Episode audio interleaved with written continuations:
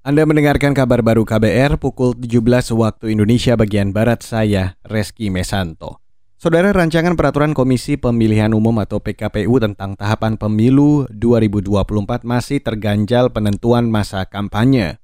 Komisioner KPU RI Muhammad Afifuddin mengatakan, awalnya masa kampanye ditetapkan 90 hari, tapi kini muncul usulan agar masa kampanye dipangkas menjadi 75 hari.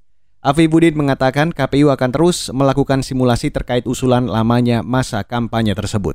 Ada opsi lagi 75 hari. Nah ini yang sedang kita simulasikan. Jadi catatan kita 75 hari dengan berbagai percepatan paling tidak di dua hal. Pertama pemerintah membantu banyak hal termasuk perpres tentang kaitan pengadaan, logistik, pengiriman dan seterusnya yang itu harus dibantu oleh banyak pihak. Kedua terkait dengan peradilan pemilunya soal orang-orang yang menyampaikan keberatan sengketa ini punya ruang yang cukup. Kalau 75 hari malah durasinya sekitar 6 hari sampai 7 hari.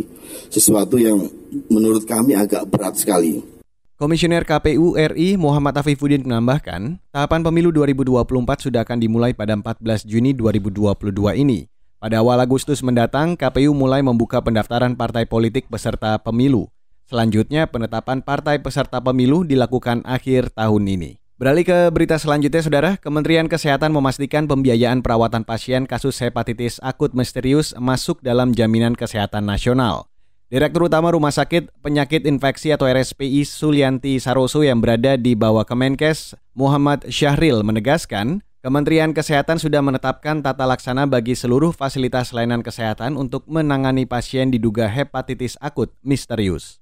Nah kemudian di tata laksana itu sudah diurutkan betul ya, mulai pasien awal diterima, apa yang harus dilakukan, kemudian apa yang harus diambil sampelnya, kemudian bagaimana penanganannya, dan tidak seluruh pasien harus dirujuk ke rumah sakit yang jauh. Kalau ada rumah sakit yang terdekat, maka kewaspadaan ini juga harus dilakukan oleh seluruh rumah sakit tersebut. Dan tentu saja untuk pembiayaan memang saat ini masuk dalam jaminan kesehatan nasional.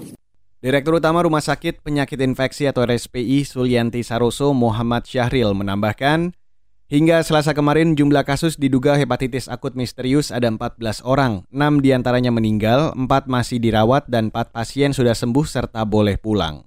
Beralih ke ajang SEA Games, Saudara, Indonesia harus puas dengan medali perak pada cabang badminton bergu putri SEA Games 2021. Tim bulu tangkis putri Indonesia takluk di tangan tim putri Thailand dengan skor 3-0.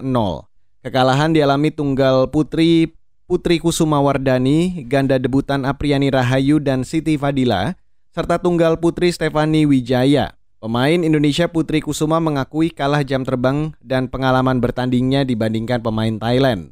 Putri di peringkat 55 dunia sedangkan lawannya peringkat 10 dunia versi BWF.